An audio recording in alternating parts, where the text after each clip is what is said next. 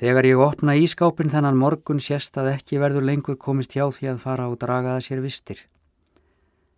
Ég tek bílleikilin sem hangir á krók yfir gaseldavélinni og geng yfir á litla malarplanið við þjónustusvæðið þar sem ég geimi bílin. Þetta er gamall Nissan Sunny, blettóttur og gljáalauðs, síin að aftan, dæld á öðru frambrettinu. Hann stennst engan veginn samanburð við bjúikkin hans pappa. Það er bjart í lofti, hæg austan góla.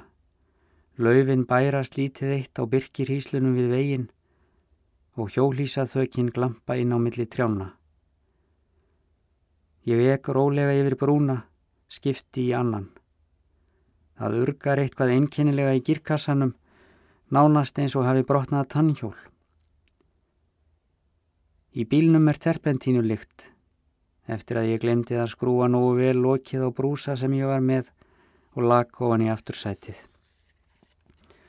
Ég reyndi að skrúpa terpentínuna burt með sápuvatni en eimurinn er enþá. Ég er ekki með geyslaspilara í bílnum en það er í honum fornlegt kassettutæki og ég hef spólu með stórsveiti síki lesbi sem ég spila aftur og eftir. Ekki vegna þess að ég sé endilega yfir mig hrifin af Gillespie sem mér finnst stundum vera með fullmikið læti, heldur af því að þetta er eina spólan sem ég á og útvarpið virkar ekki. Ég er komin inn á aðalvegin. Dalurinn opnast til söðurs. Það syndrar á stóru ána niður frá jökulfljótið sem sandáinn rennur í og á hægri hönd eru blómleg kúabú skjöldóttar kýra á beit í algrænum haga og þetta minnir helst á mið-evróska sveitasælu. Hér er erfitt að trúa því að veturinn geti verið grimmur og miskunarlaus þegar naprir vindar blása á jöklunum sem blasa nú við líkt og rjóma ís á vissluborði skaparans. Líklega eru einir 25 kílometra niður í þorpið tilbreytingar lítill vegur með fram ánni. Ég hækkaði ekki lesbi til að yfirgnæfa háaðan í vélinni og hann fer létt með það. Umferðin er lítil á leiðinni. Á meðan hugsa ég um mynd sem ég ætla að reyna að mála þegar ég kem tilbaka. Það er frekar hefðböndin mynd eins og ég sé hana fyrir mér í huganum af fjallinu mikla handan við sandána þessu fjalli sem beðir eftir að gjósi. Síðan fer ég að hugsa um þetta orð, sandá, og út frá látlausum ströymi hennar um undanfarin ár í lífi mínu og allt í einu dettur mér í hug að þau hafi verið nokkur skonar sand ár, snauð og blásin líkt og skraufþur auðn á úrkomilausum vetri. Mér reynist ekki auðvelt að hrista þessa hugsun af mér. Þorpið er ekki mikilfenglegt tilsýndar. Láreist hús, flest kvít, með rauðum þökkum, en efst í þorpinu, upp undir lári hæð, er kirkjan, sæmilega reysuleg og nógu gömul til að líta út eins og kirkja en ekki kjarnorku byrki eða guðmávita hvað. Ég fer rakleiðis í nýlendu veru verslununa og versla þar fulla kerru. Afgreðslustúlkan gefur mér undarlegt augnaráð meðan hún afgreðir, gjóar á mig augunum. Ég átta mig skindilega á því að ég er í skirtunu sem ég er vanur að mála í og hún er ansi skrautleg af slettum. Svo er ég auðvitað frekar ítla til hafður að öru leiti með margra daga skeggbrotta. Hún heldur öruglega að ég fari beint í vinnbúðina á eftir og raunar hefur hún rétt fyrir sér í því. Vínbúðin er smá í sniðum. Greinilega taliði sjálfgefið að fólk hafi einfaldan smekk í dreifbílinu. Þar má samt finna helstu tegundir.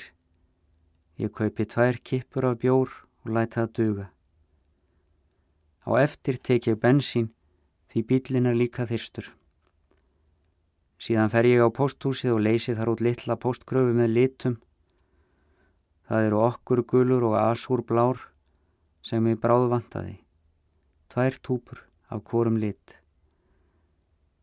Afgreðslu konan á posthúsinu starir líka sem dáleitt á skirtuna mína þegar hún afhendir mér pakkan. Við hliðina á posthúsinu er einhvers konar kaffihús. Ég sest þar inn og panta mér kaffi. Þarna er engin nema ég og sá sem rekur staðinn, miðaldra maður með grásprengt hár, grannur og solbrún og minn er helst á dæmigerðan kaffihúsa eiganda við miðjarðarhafið. Hann situr bak við skengin, nýður sokkin í bladalestur. Á veggjunum er þessi tegund af myndlist sem eidilegur flesta veitingastadi og tekur engu tali. Kanski ætti ég að bjóða honum að halda síningu hér í haust. Mætti sjá til með það. Hvað sem öðru líður er kaffið gott og ég drekka það hægt. Þegar ég er um það bila að standa upp kemur fjölskyldainn um dyrnar.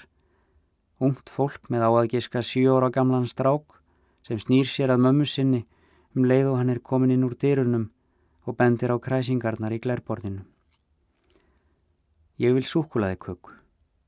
Þú verður bara bílveikur, elskan, segir konan.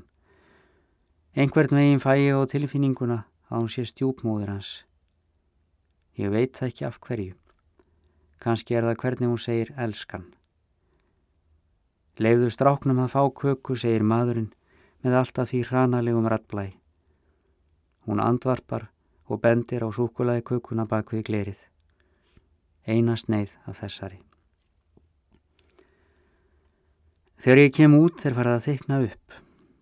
Ég sest inn í bílin og keiri hægt af stað út úr þorpinu, burt frá kvítum lágum húsum eða einsleitum rauðum þökum, með fram grænum víðáttum miklum túnum. Sum eru ný slegin og ég finn hei ilm berast að vitum. Eins og alltaf fer ég áratugi aftur í tíman og augna bliki við þessa lykt, langt bak við öll vonbreyði og erfiðleika. Alla leið þangað sem alltaf var sól og lífið beigð með miklum fyrirheitum í yðandi sterkum litum líkt og órætt en fjörlegt afstrakt málverk. Ég hrekk hastarlega upp úr þessum hugsunum við að bílflauta er þeitt með ógnarlegum háaða fyrir aftan mig. Ég líti í baksín í speilin og sé gríðar stóran vörubíl, kolsvartan. Rúður hans eru með skigðu gleri og bílstjórin flautar látlöst. Hljóðið minnir helst á þokulúður. Vegurinn er mjög mjór á þessum kapla og hann á greinilega erfitt með að komast fram úr mér. Ég eik hraðan en hann gerir það líka og keirir með drunum fast upp að mér og flautar enn. Mér finnst þetta farið að líkjast ónótalega kvikmynd sem ég sá fyrir löngu. Það er eins og speillins í orðin lítill skjár og verið sé að endur sína þessa mynd. Vörubílin er rétt fyrir aftan hvernig sem ég eik hraðan og hann rásar á veginum í sífældum en árangurslausum tilraunum til að komast fram úr. Nú er komin í mig kerkja og ég ætla ekki að leipa honum fram hjá mér. En það er sama hvað ég spíti í. Hann er alltaf fast á eftir mér og lætur lúðurinn drinja. Svo kemur hann alveg upp að afturstöðaranum hjá mér. Munar varla hárspreitt að þetta svarta ferlíki hnuppi stöðaran. Það fer að fara um mig. Hver getur verið við stýrið þarna fyrir aftan mig? Ég lít enn einu sinni í baksín í speilin en næ ekki að rína inn um skigðaróðuna frekar en áður. Hins vegar er skrásetningar númur bílsins alveg ofan í mér. TZ 366 Hvers vegna ekki 666 hugsa ég það hefur verið miklu nær Vissulega er einhver víti snikur af þessum heljar mikla trukk sem brunar í kjölfar mitt eftir grænu landinu með gráan, sinnulausan heimin yfir. Ég gefst upp á vík út í kant, stöðva bílinn og hleypi skrýmslinu fram úr. Bílstjórin flautar samfleitt um leiðugan þýtur framhjá svo vegurinn nötrar. Ég sé að hann er með rjúkandi svart asfalt á pallinum, gufurnar stíga upp á því og sameinast himninum. TZ 366, það er númer sem ég gleymi aldrei. Ég er með skrekk sem ég gengur erfiðlega að losna við. Stundarkorn er ég um kyrt í vegkantinum með talsverðan hjartslátt og óþægindi.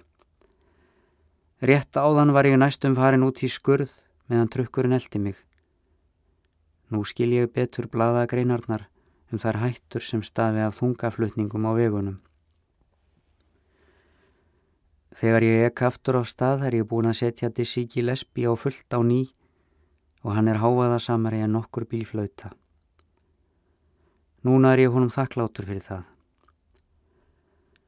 Úr einum pókanum í aftursætinu er ilmur af nýbökuðu brauði sem er terpentínu líktinni yfirsterkari og ég verð svangur og gef hrauslega í til að komast sem fyrst heim. Vörubílin er laungu horfin framundan mér með sinn svarta farm. Í mínum huga er engin vafi að malbyggið hefur átt að fara til vegabóta í neðra. Ég sé vörubílinn fyrir mér þar sem hann þjösnast ofan í dimma raunhella, þessi náttúrlegu jarðgöng sem engin veit hvar enda. Það gnistar í myrkrinu þegar pallurinn rekst ut hann í hellisvekkina en engin ljós eru kveikt á byrriðinni. Innan skams byrtir á nýjanleik, skíin greiðast sundur, sólinn fer aftur að skína í fullu veldi og túnin verða skær græn, begja megin við dökkan og mjóan vegin á leiðin til fjallanna.